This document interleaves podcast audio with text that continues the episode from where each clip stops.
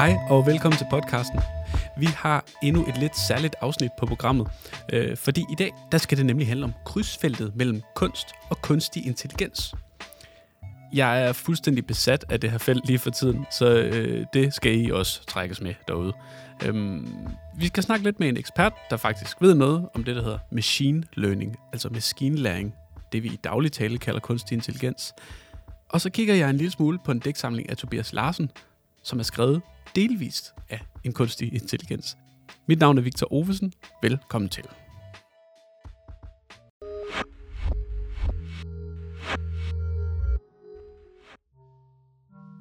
Når man kigger på vores historie, tror jeg slet ikke, mennesket kan lade være med at producere kunst. Kunst er en af de måder, vi kan dele vores oplevelse af verden med hinanden. Et fælles rum, hvor vi kan afprøve idéer og fremlægge dem på nye måder. Kunst er en sofistikeret måde at kommunikere med andre mennesker på. Men måske er det ikke længere forbeholdt mennesker at lave kunst. De seneste år er der nemlig sket et decideret kvantespring i forhold til det, der hedder maskinlæring, det vi ofte kalder kunstig intelligens. Når du hører de ord, tænker du måske på noget fra science fiction. Men der er faktisk lige nu i talende stund et væld af programmer tilgængelige, der kan producere for eksempel tekstpassager eller billedindhold, der til forveksling ligner det, et menneske kunne skabe. Du kan for eksempel bede tekstgeneratoren ChatGPT om at skrive HTML-kode til en hjemmeside, eller et digt i Lord Byrons stil. Og der er billedprogrammer som Midjourney og DALL-E, der på din opfordring kan producere et moderne madfotografi, eller give dig et bud på, hvordan Rembrandt havde malet en astronaut. Der er spændende og skræmmende perspektiver i det her. Allerede i 1993 skrev forfatteren og professoren Werner Winch et essay, hvor han argumenterede for, at vi inden for en tidsramme på 30 år ville producere en intelligens, der er mægtigere end os selv. Han brugte udtrykket the singularity, singulariteten, om det tidspunkt, hvor mennesket vil blive overhalet af vores maskiner. Det er en forestilling, vi kan høre genlyden af i øh, sci-fi-fortællinger, som for eksempel Terminator og The Matrix, men det er også bare en figur, som går igen på tværs af alle mulige slags fortællinger. Øh, det her med, at vores skabninger kan få liv og pludselig få selvstændighed. Øh, tænk for eksempel på Frankenstein og hans uhyre, eller Geppetto og Pinocchio. Eller græsk mytologi, hvor vi har Pygmalion og hans skulptur Galatea, som han blev forelsket i. Øh, der er bare noget med, at den her tanke om, at det menneskeskabte kan få bevidsthed, og måske trods os, der er både uhyggelig og pigerne. Jeg har taget fat i kunstner og formidler Andreas Refsgaard for at høre lidt om forholdet mellem kunst og kunstig intelligens. Prøv at lytte med.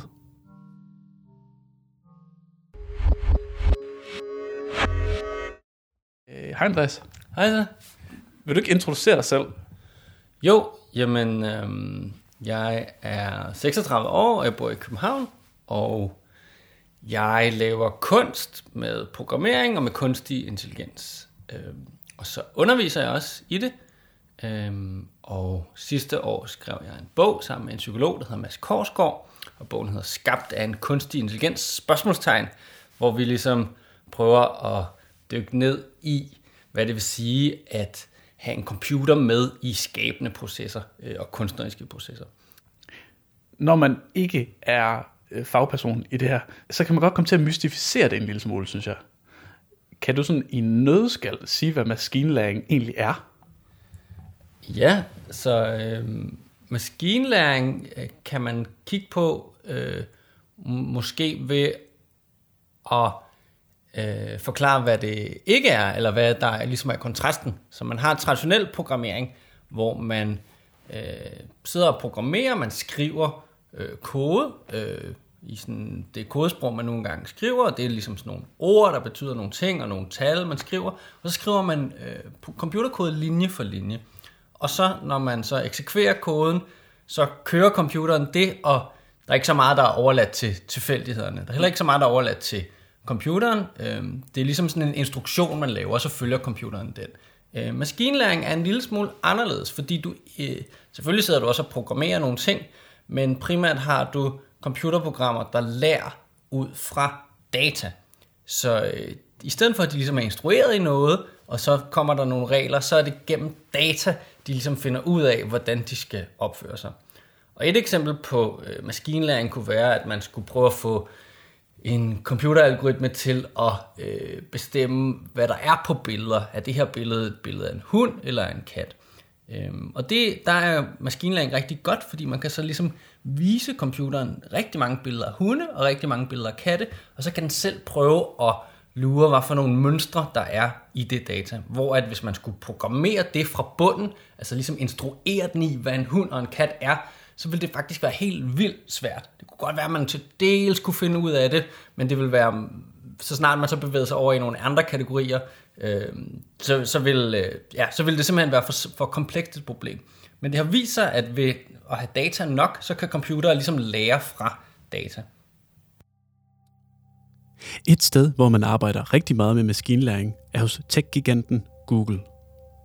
Blandt andet arbejder de på en chatrobot ved navn Lambda, der bliver trænet på kolossale mængder tekst fra internettet til at kunne svare på ja, alle mulige spørgsmål.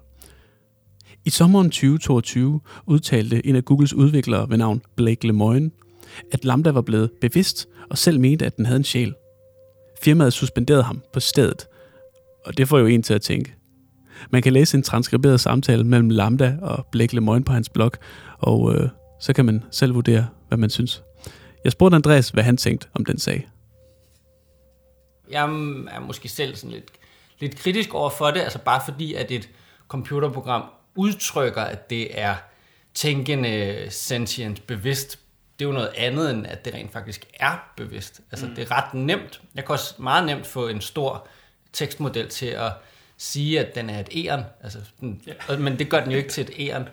Så, så jeg synes, det er sådan lidt misforstået, det han har gang i. Øh, men jeg har, jeg har ikke fuld sagen så til. Ej, en af kritikkerne af øh, hans udtalelser var netop, at øh, det her er designet til at være en chatbot. Mm. Det vil jo sige, at den øh, også er designet til at være høflig og imødekommende. Øh, så hvis man stiller den sådan nogle ledende spørgsmål, som øh, skal det forstås sådan, at du faktisk er bevidst, så vil den jo gerne gøre spørgeren glad, ikke? Og så svarer den ja, hvor at, altså, hvis man havde spurgt den på en anden måde, så kan det godt være, at den havde syntes, at det øh, var et, et underligt spørgsmål, eller at den havde svaret lidt i øst og vest. Ja, og nu igen har jeg, jeg ved heller ikke præcis, hvordan lige præcis den tekstmodel er trænet, men mange tekstmodeller er jo trænet med bare så meget data, man ligesom kunne, har kunne få fat i, og meget af det kan være samtaler eller ting fra bøger, mm. og der vil de typisk, altså tekstmodellerne, det har ændret sig lidt øh, de sidste par år, men, øh, men til at starte med sådan noget som GPT-2 for eksempel, og den første version af GPT-3, det de gjorde var simpelthen bare, at du gav dem noget tekst, og så forsøgte de at skrive det mest sandsynlige næste ord, og næste ord, og næste ord, og næste ord. Og så kan man sige, hvis du så indleder en samtale om måske at være bevidst, så er, det, så, så er et rimelig muligt udfald, at den så skriver videre og går med på din præmis. Altså. Mm. Men det gør den jo ikke bevidst. Altså det er mm. bare sådan, det er statistisk en god beslutning af den, øh, ud fra alt det data, den tidligere har læst. Men det er noget andet, synes jeg, end bevidsthed. Yeah. Og man kan også sige, hvis du spørger psykologer, øh, forskere, så, altså, hvad er bevidsthed overhovedet? Det er også et rimelig, rimelig stort spørgsmål. Så, mm. så jeg er kritisk overfor, at bare fordi den selv ligesom udtrykker noget, som kan, mm. som kan tolkes som bevidsthed, så det er ikke ens betydende med, at den er bevidst. Jeg føler, at der er sådan lidt en ensomhed i det der fra menneskets side. Ikke? Vi vil gerne... Øh, vi, vi vil gerne have selskab på en eller anden måde. Ja, men jeg synes, det, det virker som om, at mennesker har tit en eller anden trang til at se andre ting i menneskets eget spejlbillede. Mm. Øhm, og derfor bliver øh, sådan noget som, som computer, der ligesom lige pludselig kan nogle ting, øh, som de måske ikke kunne før, så sammenligner man dem med mennesker, så siger man, hvornår når de det menneskelige niveau mm. af det her og det her. Og det, det er jo naturligt nok, vi har jo ligesom os selv at gå ud fra, men jeg synes nogle gange, det er en lille smule misforstået, fordi computere kan nogle ting, som mennesker slet ikke kan. Altså man synes, man burde tale om computere lidt i sin egen ret, og ikke hele tiden øh, snakke om, hvornår de når det menneskelige niveau i forskellige ting. Men der er bare sådan et, et, et menneskeligt... Øh, ja, sådan en higen efter øh, at spejle sig i computeren. Men computeren kan jo alt muligt andet, synes jeg.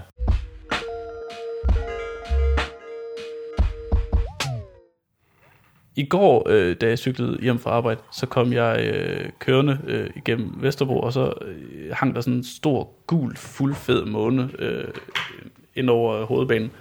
Og så kom jeg til at tænke på et billede af, af en af mine yndlingsmalere, øh, Kasper David Friedrich, øh, som sådan en romantisk tysk øh, maler. Han har sådan et øh, billede af to mænd, der står i sådan en krat øh, og kigger op på sådan en dagsmåne-agtig, øh, sådan et, den, den hænger lidt fjern, men man kan se dem fra ryggen, og de står ligesom og øh, læner sig lidt frem, og sådan, i virkeligheden skutter sig lidt sammen, måske.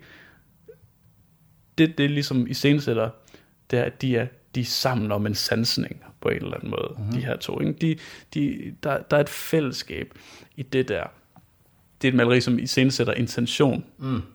Og for så vidt, at de her øh, maskinlæringsprogrammer stadigvæk har ligesom, øh, det er programmer, der har fået at vide, hvordan de skal arbejde med noget øh, forskellige input, mm. så har vi vel svært ved at forestille os en maskine med en motivation eller en intention.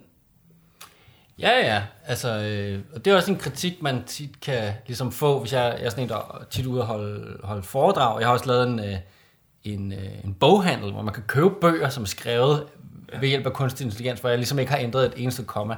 Og det kan folk blive meget provokeret af. Hvorfor skulle man dog læse dem? Fordi de, de har ikke noget på hjerte. Der er ingen, mm.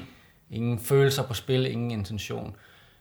Og det argument forstår jeg godt. På den anden side, så synes jeg faktisk, at hvis man ligesom, og det er lidt et stretch, men hvis vi ligesom lige for, for en stund siger, at man kan se de her maskinlæringsmodeller, eller ideen om sådan en AI, som en kunstner eller som en forfatter, og den så ikke rigtig vil noget, men den bare har lært af summen af alt det kunst, eller det tekst, vi ligesom har øh, lagt som spor på nettet, så vil jeg, selvom den ikke vil mig noget som helst, så vil jeg faktisk gerne høre, hvad den siger.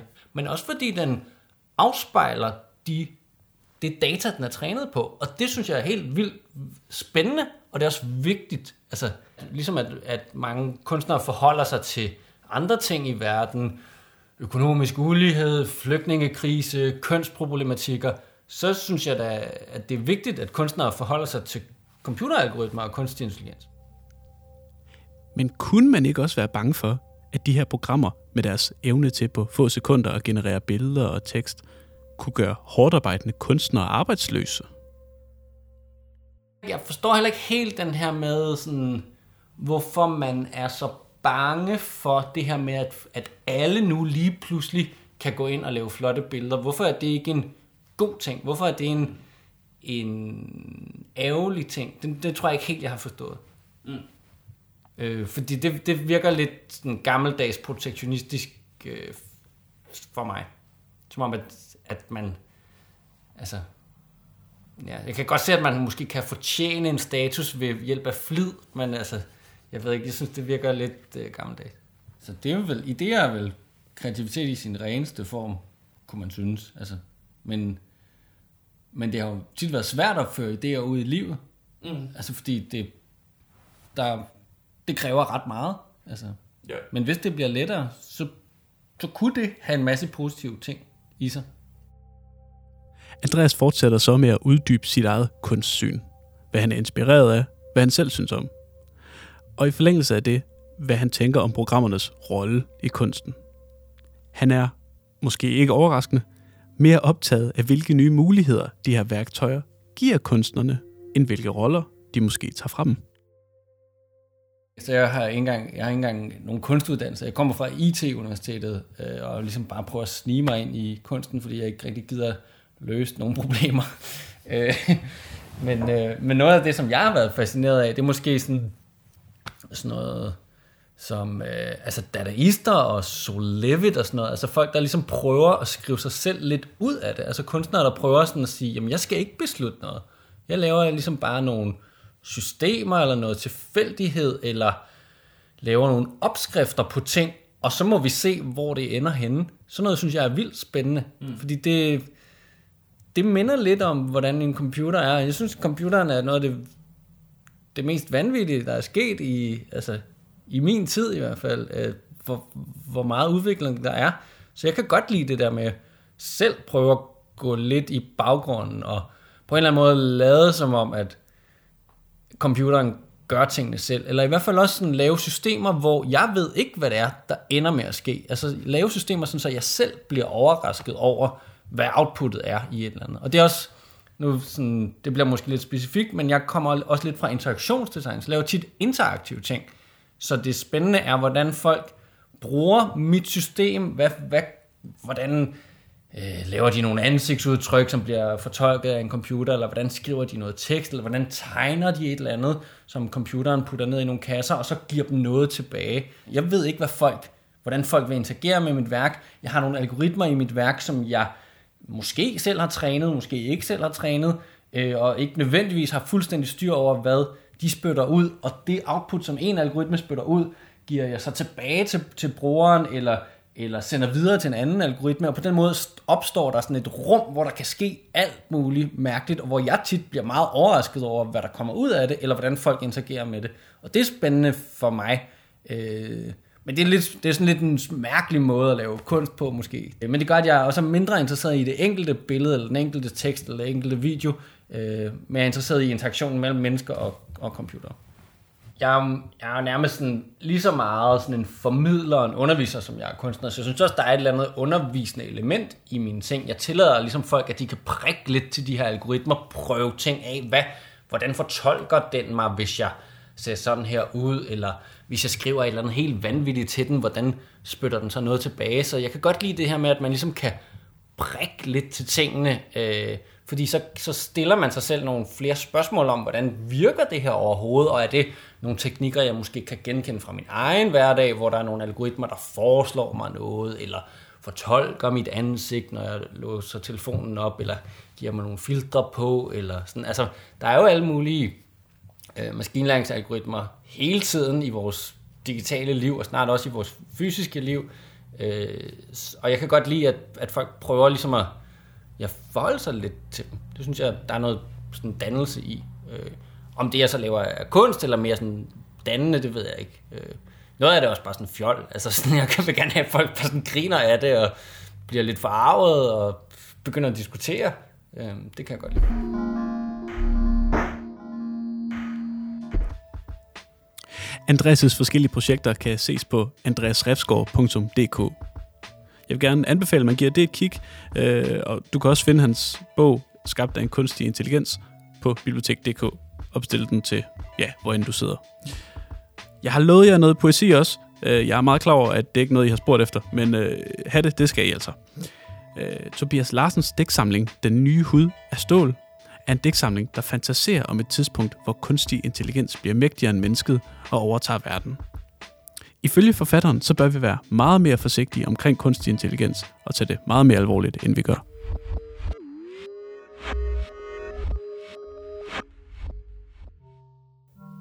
Digtsamlingen Den nye hud af stål er en bog i to dele. Den første del er skrevet af Tobias Larsen, mens den anden halvdel er skrevet af en tekstgenerator, der er blevet trænet på digte fra Tobias Larsens forfatterskab og har fået navnet Hud 7 bogen ligger jo nærmest i sig selv op til en lidt forudsigelig konkurrencelæsning. Men faktisk vil jeg sige, at de to forskellige typer tekster giver en anledning til at tænke over sit eget litteratursyn. Her for eksempel et af Larsens digte. I bunden af kasserollen, de første luftbobler begynder at vokse frem. Som stjerner i en tognat, snart som måger ved havnen, myrer på en tue, efter barnet jager en kæp gennem fæstningen. Jeg kunne skrue ned for blusset, men jeg vil se det vokse, danse og springe, blive levende og vildt, til det kaster sig ud over kanten og skolder min tynde hud. Se, hvad jeg har skabt. Se, hvad jeg har sluppet løs.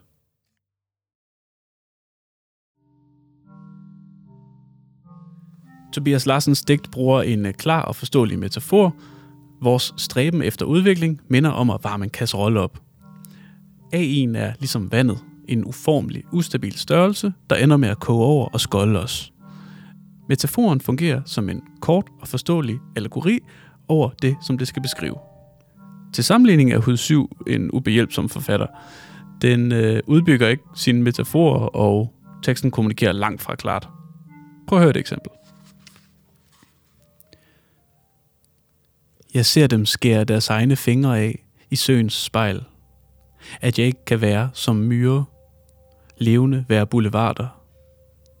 Jeg ser dem hissige, og de flår hætten op i en sindsforstyrring, der stadig vil rejse sig. At lade roen, hængende frit over gennemsigtig by, og hængende frit for første gang. Jeg ser dem højt, og selv synger All Images Transcend igen. Jeg ser dem højt, og hører det, og smiler farvelagt som en ny hud i askebæret. Mens den sidste sætning, den kommer evigt i morgen, og evigt som en bjerg mod mit hår, i hvert fald vil døden. Mens den sidste sætning, blødende løfter sig op af helvede, kastede min første poesi på en tørst. Jeg må være væk, og ved, ved jeg helt forsvundet. Jeg stanser et øjeblik, for så at forstå en Gud.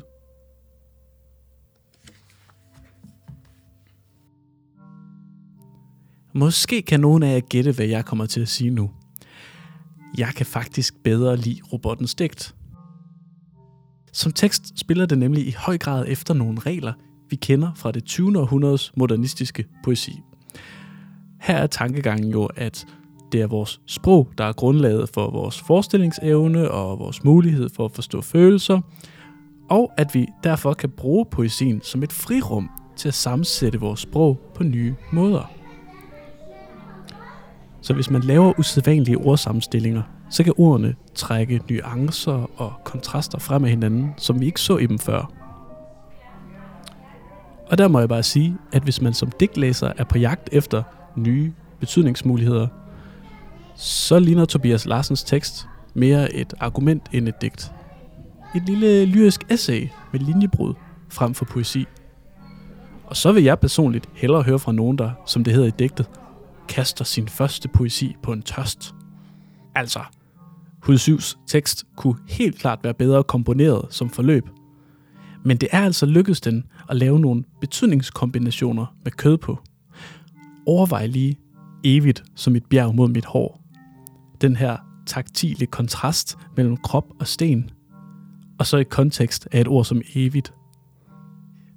Det her betyder ikke, at robotten har overhalet sin skaber som kunstner. Det betyder bare, at man i den kreative sfære kan drage nytte af den kombination af kontrol og tilfældighed, som vi gennem maskinlæring kan producere indhold med.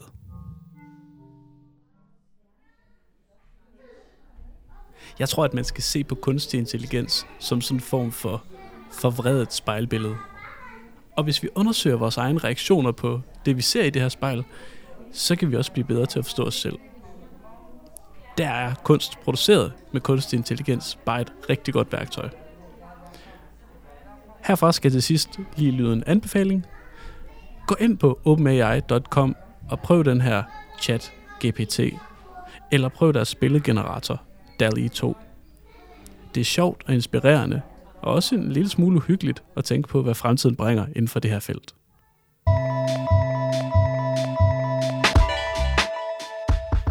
Næste gang er vi tilbage i vores trygge rammer. Viggo og jeg tager en snak om den fascination af superhelte, som har grebet vores popkultur i de seneste år. Især på det store lærred. Tak fordi I lyttede med. Mit navn er Victor Ovesen. På genhør.